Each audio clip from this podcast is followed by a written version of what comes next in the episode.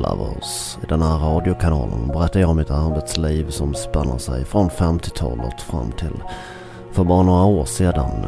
Men vad har jag eh, egentligen eh, gjort? Jag har jobbat i eh, snösvängen i hela mitt liv. Men jag menar vilka statyer reser man för någon som bara skottar snö?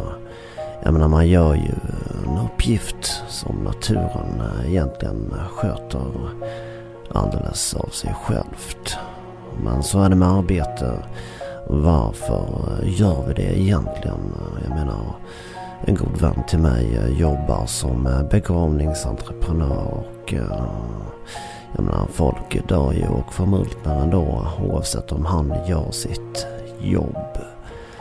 Um, Ja, bara man har lite tålamod så uh, egentligen allas jobb är helt onödiga. Ursäkta, jobbar, jobbar du här? Nej, jag jobbar inte här. Jag är pensionär. Jag heter Georg Svegas och jag har jobbat i snösvängen hela mitt liv. Ja. Du, det spelar egentligen ingen roll vilken sväng du jobbat i hela ditt liv för att nu får du flytta lite grann på dig för att det här är ju den kreativa sektorn och här är vi entreprenörer, eldsjälar och uh, hårt arbetande medborgare som ja, vi tar vårt ansvar i den globala ekonomin och marknadsutvecklingen där alla måste välja att vara med och ta sitt finansiella ansvar. Eh, eller vad säger du Martin? Uh, nej, blanda inte in mig i världsekonomin, Bengt. Uh, men ja, vi, vi kör en podd här tillsammans, det stämmer. Det, det gör det. Uh, det var en tråkig avrundning. Jag tror att jag kommer tillbaka senare. Nej, det ska du ge fan i faktiskt. Alla poddlovers där ute, fortsätt att skotta snö. Det kommer alltid mer snö oavsett vilken temperatur ja, det är. Kom igen nu, ja, maka på dig. Jag ska gå. Okej. Okay. Hej då.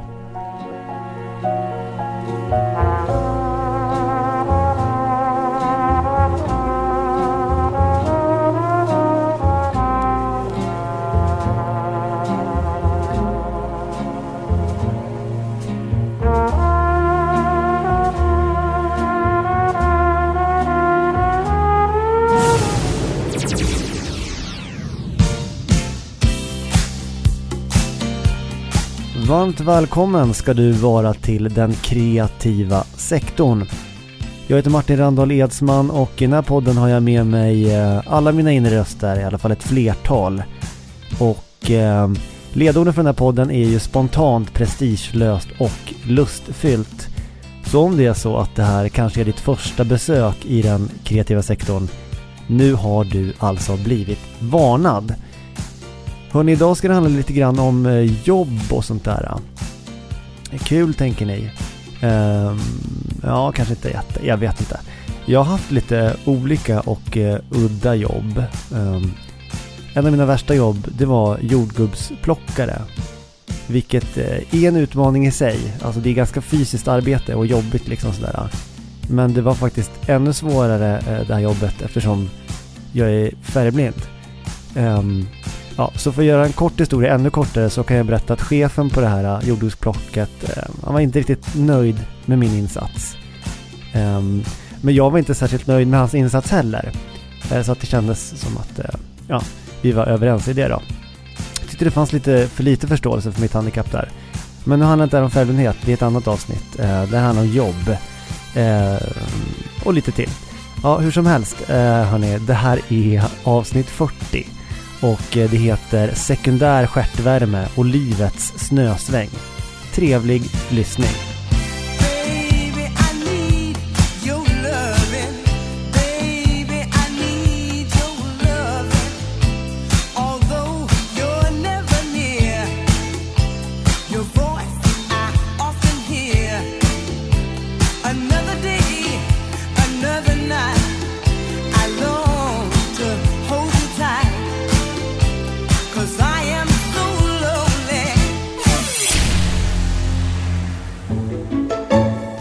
Välkomna ska ni vara till radion ringer upp.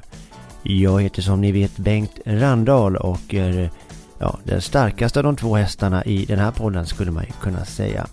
Men utöver det så går det här ut på att man eh, ringer in helt enkelt till programmet och eh, delar med sig av det man har gått och tänkt på under en tid eller liknande. Och med oss på telefonen i vanlig ordning tror jag att vi har Lennart Seger. Hallå Lennart! Tjena, det är Lennart. Oj, hörru, det har varit väldigt oljud hos dig idag. Eh, lite högt, svårt att höra dig.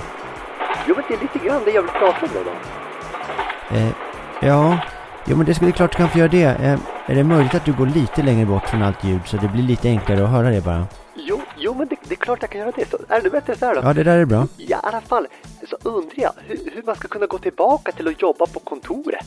Nu när man jobbar så mycket hemma då så att säga. Jag menar, när jag jobbar hemma, då jobbar jag ju inte bara. Utan det händer ju att ja, man gör lite annat också när man ändå sitter hemma då så att säga. Ja, just det. Att du kör en tvättmaskin eller så kanske under dagen. Ja, men hörru, det var roligt att du nämnde det Bengan, för det är precis det jag gör nu så att säga. Jag är på jobbet och jag har inte varit där på länge och jag ser att det saknas prylar. Så jag har installerat en torktumlare, en tvättmaskin, en centraldammsugare, ett löpband och en 60-tums smart-tv med samtliga streamingtjänster på det här på kontoret. Oj, ja det låter dyrt. Eh, får du något jobb gjort med alla de där Jo, men grejerna? hörru du, du kan hoppa upp och sätta dig på att det blir dyrt, men det är inte jag som betalar det. Jag vidarebefordrar alla fakturorna till chefen. Och ja, det är inte som att jag kommer få jobba jättemycket heller då dem. Eh, Så det har du ju också eh, en någon slags poäng i. Men det här är ju också det jag vill prata om då. Men nu när man har vant sig vid att knappt jobba hemma, ja då måste det ju vara samma standard på arbetsplatsen när man kom tillbaka. Ja, men inte kan jag bara sitta och stirra in i en skärm. Jag menar, vad ska jag göra med all tid jag över på jobbet? Ja, det, det, är det som är problematiken då. Ja, man kanske kan ta ett extra jobb eller man kan ju ta på sig lite mer ansvar och kanske bli mellanchef eller så. Det ska ju vara populärt. Nej, hörru du, det där är ingenting för mig då. Ja. Men du, det är inget förbud som ska införas eh, just den här gången eller? Nej, inget förbud den här veckan. Snarare en lag då som tillser att alla arbetsgivare har en maskinpark för de som måste till kontoret. Ja, och då kan ju alla mellanchefer som har så mycket tid och, och sådär hålla möten där och ta bort luddet i tumlan och kanske skriva någon arg lapp och få bestämma lite grann sådär som de gillar att göra, känna sig lite viktiga. Ja, men då tackar vi för det och hoppas att det inte är någon mellanchef som blir kränkt eller så. De är ju lättstötta. Eh, Vi tackar för det Lennart och går vidare här i showen. Ja men tack själv, för roligt att vara med.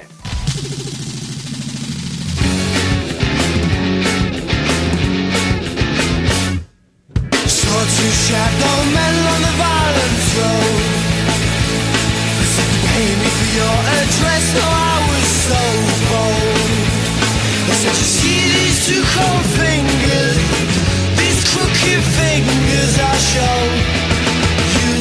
to me no well I didn't like that much I can tell you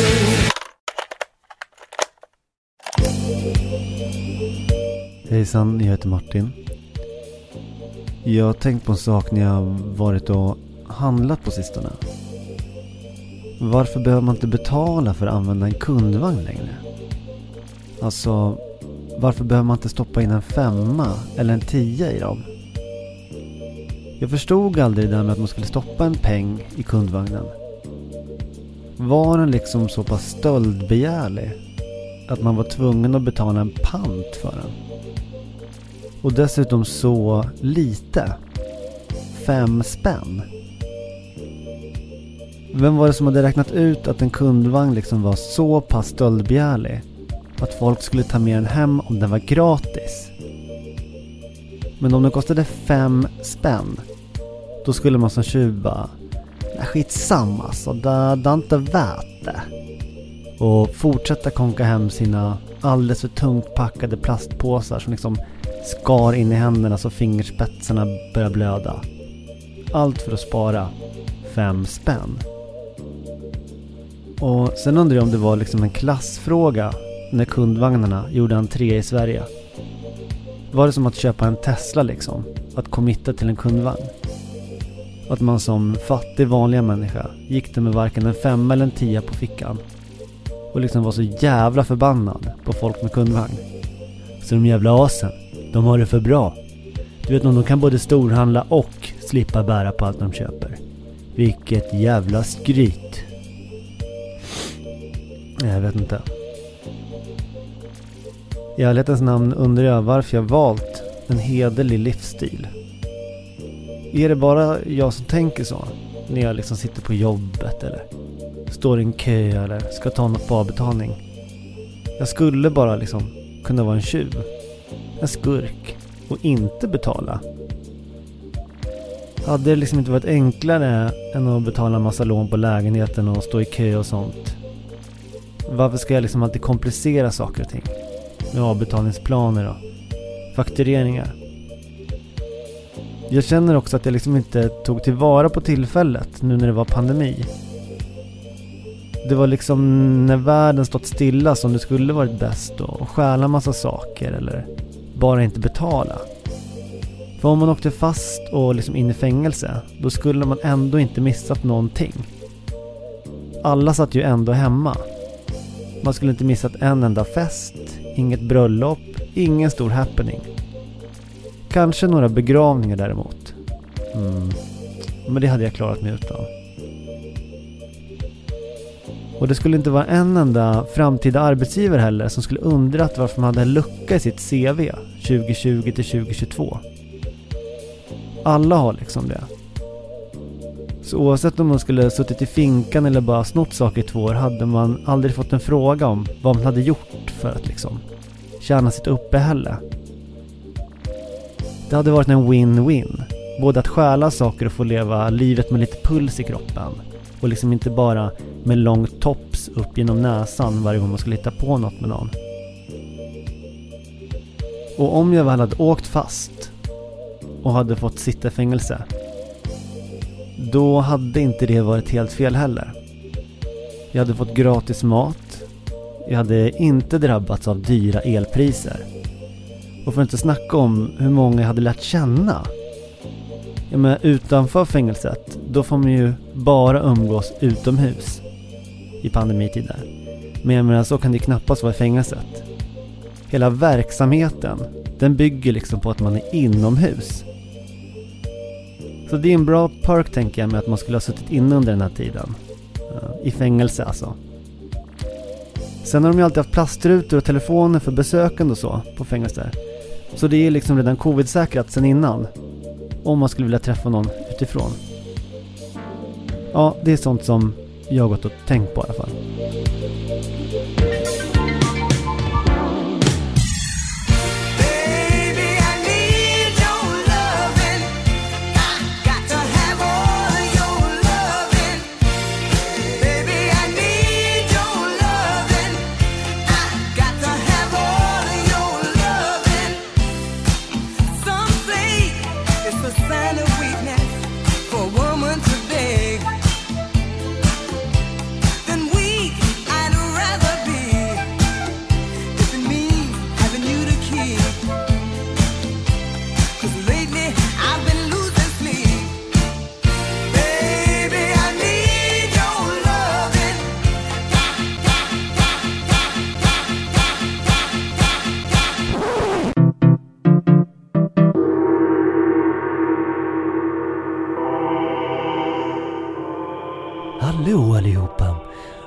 Tobbe Hansson och jag är en Södermalmspoet.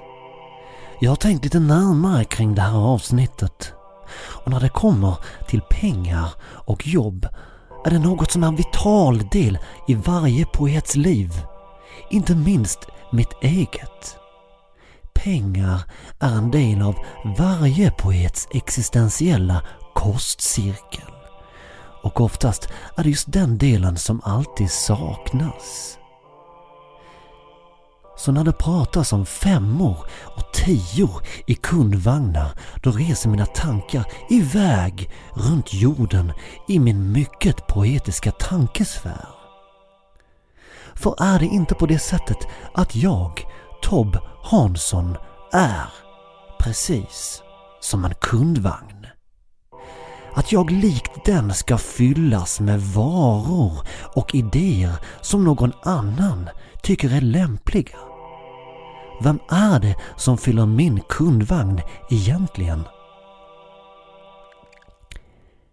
Och är det inte så att jag, Tob Hansson, precis som med kundvagnarna, fullkomligen rasat i värde?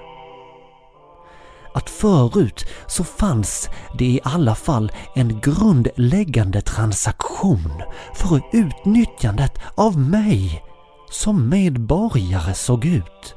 Men nu, nu blir jag ständigt konsumerad, ständigt utnyttjad utan att någon varken ger mig pengar eller ställer mig tillbaka på rätt ställe efter att jag blivit använd.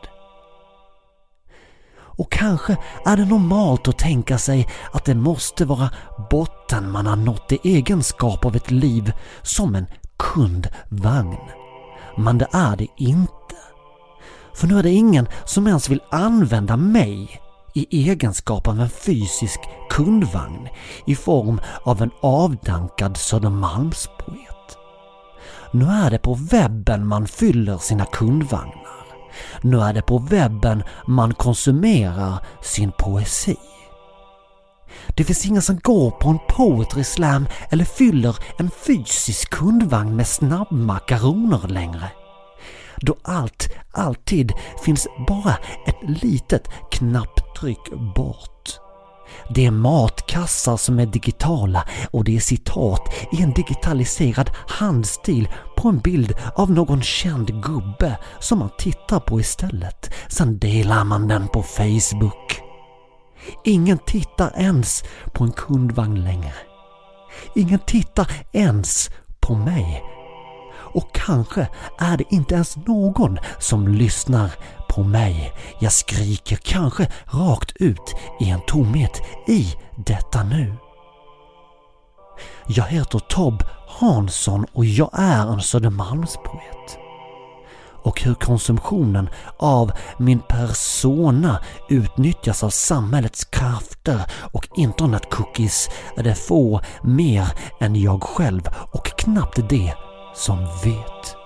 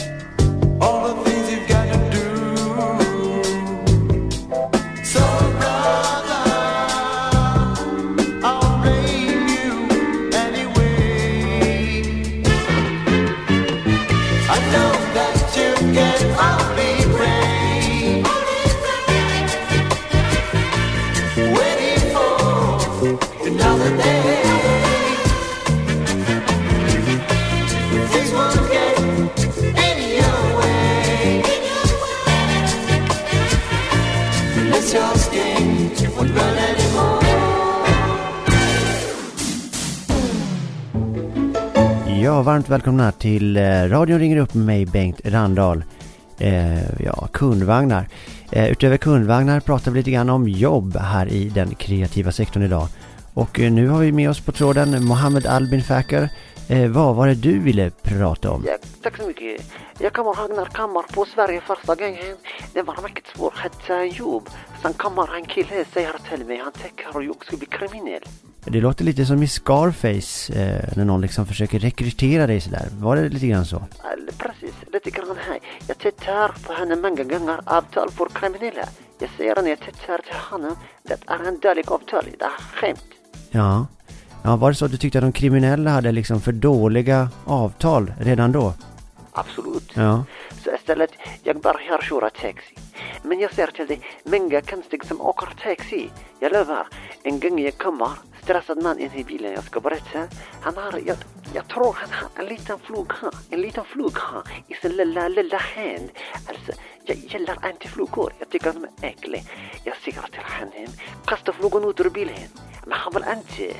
Han är mycket bestämd, säger det. Inte ska släppa flugan, säger det. är min fluga, jag har den i handen, jag betalar pengar. Jag blir förbannad, jag stannar bilen, jag kastar ut honom, jag kastar ut mig själv, jag går ut ur bilen, jag stänger dörren, jag ringer till chefen, jag säger nu får det vara nog, jag ser upp mig. Ja du, det där låter bekant på något sätt. Men du blev upprörd att en man eh, då tog med sin fluga in i bilen. Eh, och då sa du upp dig då. Absolut, det går inte att jobba på de kriterierna. Va? Och vad jobbar du med nu då? Nu jag söker en jobb varje dag, söker, söker, får se vad det blir. Jag vet inte kriminell, jag vet inte taxi med massa flor. Folk kanske jag blir en höjdare i finansbranschen. Ja men ja. Det var kul att höra att du söker jobb i alla fall. Det är alltid bra. Det är första steget där. Eh, då får vi eh, hoppas att du får något napp där. Eh, napp. Som i att man får en fisk. Alltså inte att du skulle börja med napp. Ja, du förstår säkert vad jag menar. Och om du fiskar, ta på dig kamouflagebyxor förresten. Det hörde jag om i ett tidigare avsnitt. Vi ska inte vara för långrandiga här. Ha det bra Mohammed. Många tack. Hej på dig. Hej.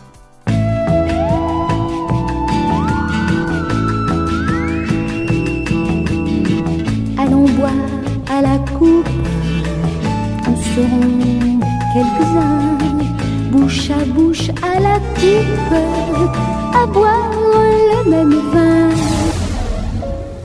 Welcome back podlovers. Jag tänkte berätta lite grann. Ja, det är Georg Sveagas här igen. Jag smög in i studion här. Um, det var en vinterdag 1973 någon gång i november om jag minns saken rätt. Det var en otroligt, um, vad ska man säga, jag skulle beskriva månaden som eh, snöig och eh, jag var ute med mitt eh, fordon vid den angivna dagen och jag gjorde alltså skottade med, med, med min snöskottarbil en perfekt linje va, på Vallalavägen. Det var en otroligt uh, rak linje som en spik. Och eh, jag minns hur jag med rak rygg eh, steg ut ur mitt fordon eh, och min chef stod där utanför och jag var beredd på att få en någon slags återkoppling men uh, han bara slängde en uh, cigarettfimp av märket. Uh, vad var det, en blå Camel eller om det kan ha varit en Glenn rakt ner i, i den perfekta linjen och gick därifrån. Um, jag blev givetvis kränkt en längre tid. Um, på den här tiden ska sägas att uh, jag hade alltid haft bilen uh, inom, alltså min privata bil inom synhåll uh, när jag var på jobbet för att känna liksom att um, det är mitt val att sluta när jag vill. Va? Den fanns där. Um, samtidigt så var det ju en rädsla att lämna snöskotteriet, snösvängen. Um, vad eh, skulle jag göra om jag inte skottade snö? Det hela slutade i att eh, jag blev så pass eh, kränkt av den här incidenten på Valhallavägen att jag, jag sjukskrev mig i ungefär 40 år. Det är en av de bästa sakerna jag gjort i mitt arbetsliv. Jag heter Georg Svegas och det här är en radioföljetong om mitt arbetsliv.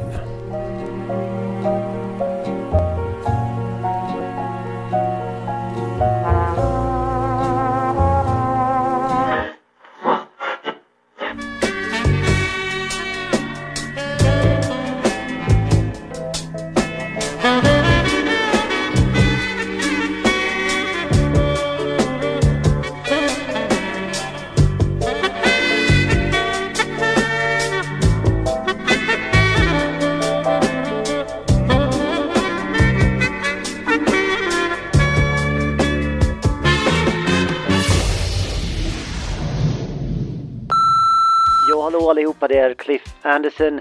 Jag ringer till programmen. Du hörde en man tala tidigare om en taxi experience med någon som hade en fluga i sin hand. Och eh, skrämmande liken inlägg jag hade i tidigare program. Men vill strongly dementera eh, den frågan eh, att det var alltså inte jag som satt i den taxicar. Det var en fiktiv scenario som eh, jag tog upp med Fly, Fly eh, Rönki. Ja, ni som lyssnar ni vet. Eh, Cliff Anderson, eh, completely innocent. Ville bara klargöra det här. Tack.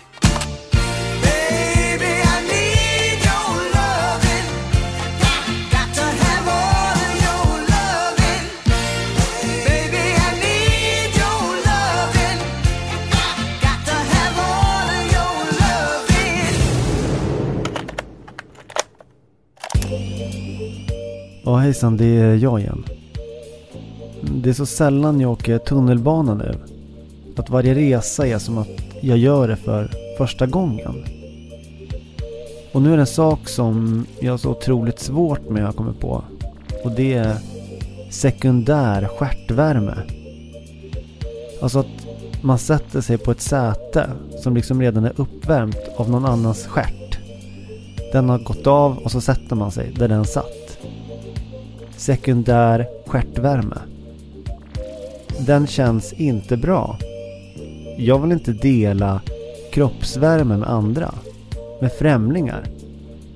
Den är liksom personlig. Det är ingenting man delar med sig av till höger och vänster. Och speciellt inte till folk på tunnelbanan. Och jag, jag tänker att det är en av de största dolda fördelarna med kläder. Att man liksom inte limmar ihop med främlingar när man trängs i en kö eller något och börjar bli svettig. Sådär som man kan göra när man är naken nära folk. Ni vet, med någon gammal gubbe i bastun eller sådär. På Friskis och Svettis. Jag tänker det är därför som vi människor måste ha maskiner som liksom värmer upp bilar, bröd och golvet åt oss. Vi vill inte tina frysvaror mellan någons valkar. Eller betala någon med en varm stjärt och sitta i vår bil 10 minuter innan vi ska sätta oss i den. Jag sitter liksom bara på min egen värme. Eller fräsch värme. Jag är en modern människa. Men det är svårt att vara en modern människa. När jag var yngre trodde jag att en modern människa var någon som liksom levde i ett pappersfritt samhälle. Men det stämmer ju inte. Jag använder ju typ inget papper, men känner mig ändå inte modern. Jag känner mig inte klar. Det är så mycket mer jag, jag ska kunna, förväntas kunna som modern människa. Jag ska veta vad som är rätt och fel. Jag ska veta vad som är trendigt och vad som inte är det. Jag ska veta vad som är okej okay att tycka och vad som inte är det. När är man klar? När är det över? Jag kommer ihåg på SO-klassen. Där hette det liksom att vi människor, vi hade lämnat nomadlivet sen vi flyttade till städer. Men det stämmer ju inte. Jakten tar ju aldrig slut, oavsett om man bor i stan. När blir man klar? Vilken livsstil väljer man om man ska bli klar? När man slutar flytta, slutar möblera om och har liksom fyra uppsättningar kläder. Sen är man klar. Jag har liksom kommit till insikt om att livet är som en lång Instagram-scroll. Den tar aldrig slut. Man bara scrollar och scrollar och scrollar. Man måste liksom dö. Det är först då man är klar. Så jag tänker att det är liksom allt som ska stå på min gravsten. Eller i min dödsannons. Det ska liksom inte stå född och död. Det ska stå född och klar. Ja, det är sånt jag har gått och tänkt på.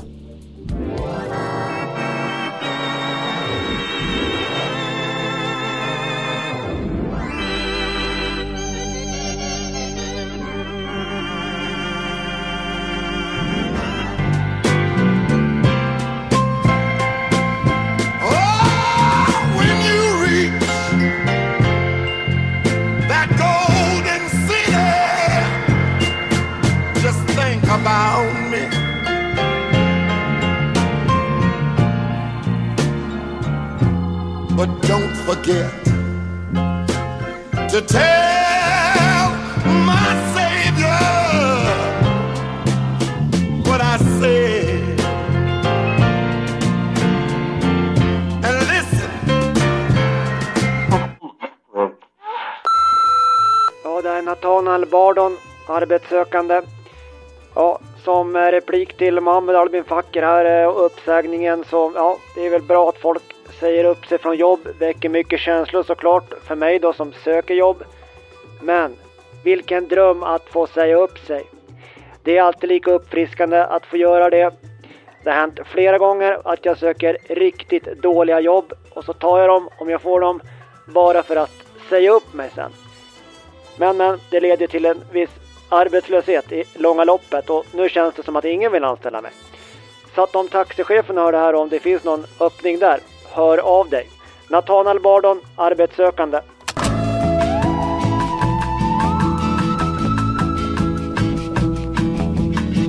Tendre à la chaloupe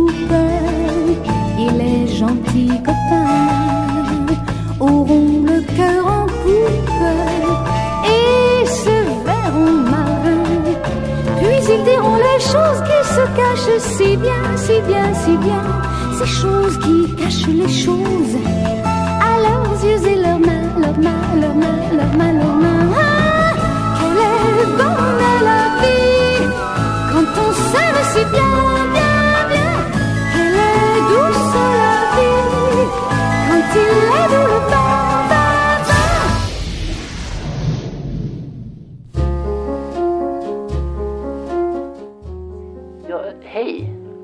kompisar. Jag ringer för ett litet tips. Något som har fungerat bra för mig både i mina relationer och när det gäller jobben och lönen jag vill ha. Det är väldigt enkelt och kräver inte så mycket mer än att det saknar, ja, skam i kroppen egentligen. Jag talar om hot om våld mot sig själv. I en relation är det ju ganska självklart. Hon vill göra slut. Ja, men då hänger jag mig, säger jag. Då brukar det oftast bli en liten annan ton. Oj, jag visste inte att du mådde så dåligt. Du, du, du. Och vips så är förhållandet räddat. Ja, eh, åtminstone i några månader. Men det är å andra sidan riktigt bra månader. Det är mycket att tycka synd om och. Men vad gäller jobb så är det ju bara att gå på en intervju och se hur det går. Märker du att chefen tvekar eller kanske redan i början va, att CVt inte räcker till? Nej, då är det dags att börja självmordshota. Du vet, jag behöver verkligen det här jobbet och, och om inte jag får det, nej, då, då tror jag faktiskt jag hänger mig. Jag kommer, jag kommer skriva i avskedsbrevet va, att det var, ja, vi kan säga Axelsbygg och Mek.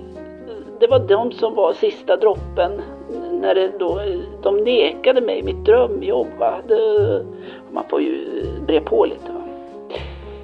Nej, och helt plötsligt va, så får man en provanställning. Och när foten är inne, ja, då är det dags att börja be om löneförhöjning. Och då kan man komma förberedd. Jag brukar ta en halsduk va, och så drar jag den några gånger runt halsen så man är lite sådär röd och skavig. Va? Och om samtalet inte går som du vill kan du börja lyfta på hakan och dra lite efter det röda märket. Oh, sucka lite och varför inte hosta lite. Som att du redan har, har, har försökt det. Och vips, då blir det ett annat ljud i skällan. Man kommer undan med mycket också. Du kan slarva med personlig hygien, missa arbetsuppgifter, komma sent. Jag menar, vad ska de säga? Du går ju för fan och dödar dig själv om det ska gnällas. Sen, sen när det börjar komma terapeuter och sånt. Ja, ja, då går man vidare i livet. Då går man till ett nytt jobb. Här är det ju bara fantasin som sätter gränser. Va? Och, och möjligtvis då man blir tvångsinlagd. Men, men det får man ju undvika till varje pris. Det är bara att springa. Va? Jag kommer faktiskt eh, släppa en bok också eh, som jag kan plugga här nu, är jag, nu när jag är med i radio. Självmordshota dig till toppen. Det kommer vara under Bonnier förlag. Fick ju självmordshota för att få den publicerad. Men det är ju som sagt jag väldigt bekväm med. Inga konstigheter. Tack och hej för mig. Am I ready? Can my heart be true? Am I ready?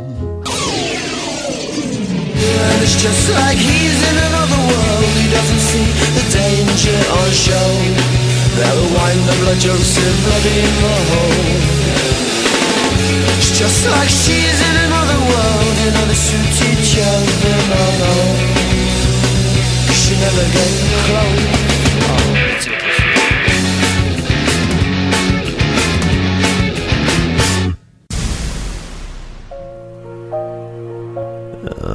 Georg Svigas här. Eh, sista delen i eh, delen av mitt eh, arbetsliv.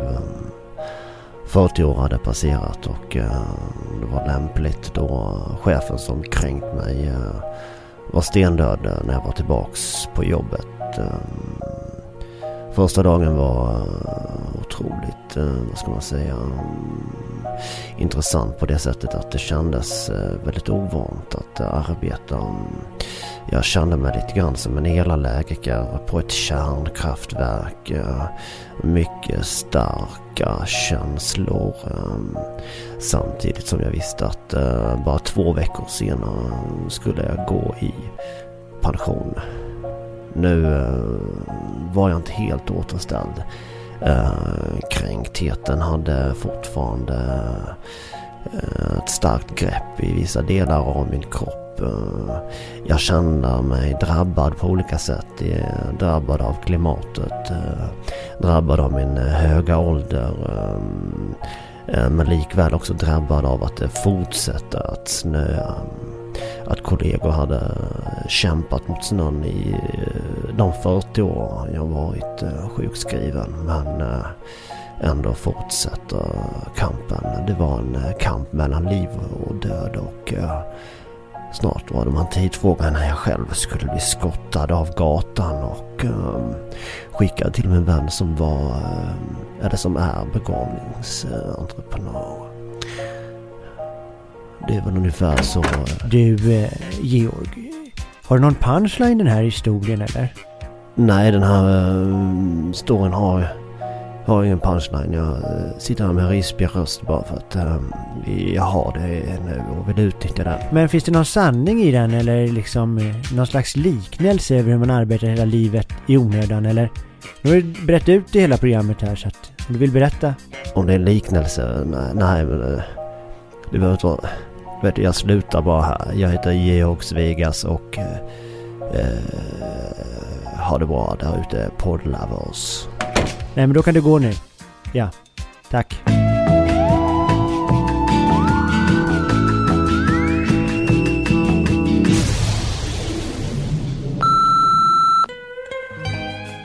Ja, hallå, jag ringer. ehm, Jag ringer, jag ringer, det gör jag.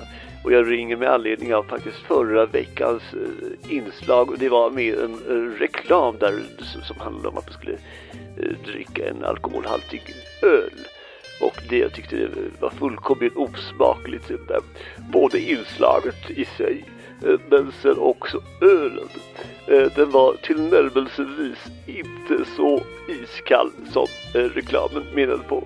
Och den var inte alls så stark som jag menar på att någonting som rubriceras som svinstarkt bör vara. 7,2 procent, det är ju långt ifrån 100% och eh, för mig som har jobbat inom finansmarknaden tyckte jag att det var en vedervärdig, missledande och i, i många fall eh, eh, onödig eh, reklam att ta med i ett program eh, i, i, i, i, i, i poddradion som i övrigt håller en relativt hög eh, standard när det kommer till lägsta nivåer. Ja, det var det jag ville säga och eh, vad jag heter eh, det kan jag inte gå ut med av anledningar eh, som jag inte kan gå in på nu. Men jag skulle kunna heta eh, Jan eh, Fredsbitsson. Ja, tack så mycket.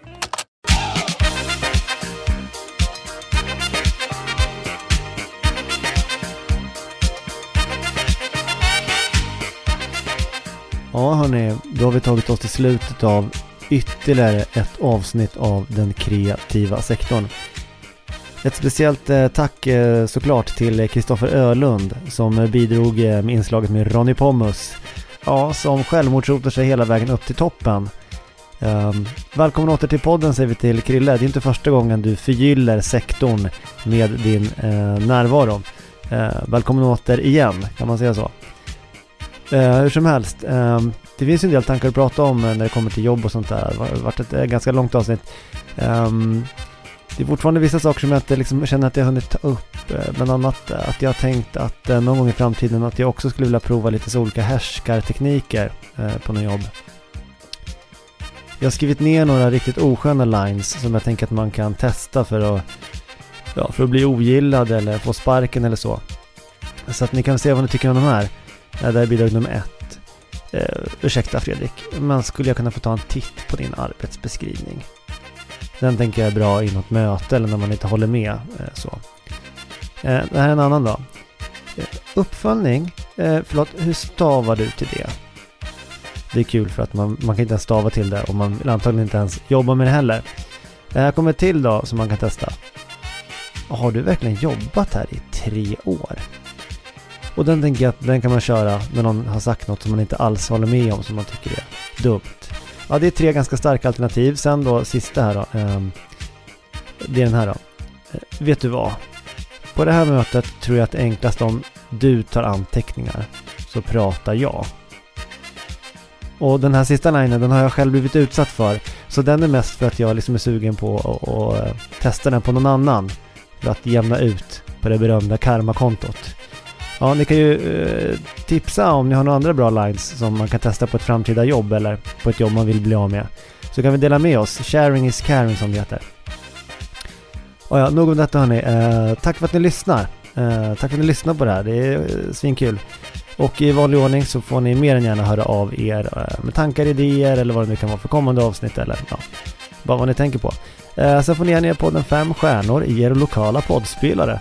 Och allra helst får ni såklart tipsa era vänner och bekanta om den. Eh, om det är så att ni gillar den. Eller egentligen, tipsa på bara. Ja hörni, i övrigt så önskar jag er en trevlig resa i livet life och sen så hörs vi snart igen. Ha det bra!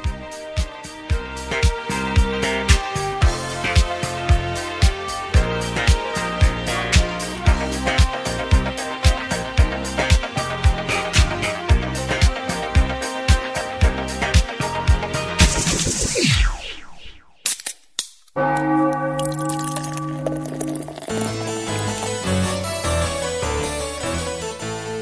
är iskall. Den är också svinstark. Och den är 7,2 procent. Det är jag som eh, gör reklamen för Prästö. Och måste bara informera samtliga lyssnare av den här podden att det stämmer allt det här. Min bror eh, vars namn jag inte kan gå ut med, men som vi skulle kunna kalla Jan Fritzbetsson, är inte så schysst. Men prästöl är gott. 7,2 procent. Svinkall. Isstark. Eh, nej, nu glömde jag vad jag skulle säga. Jag tror jag sa fel. Ja, men ni vet, ni har ju lyssnat förut. Eh, Prästöl, drick det.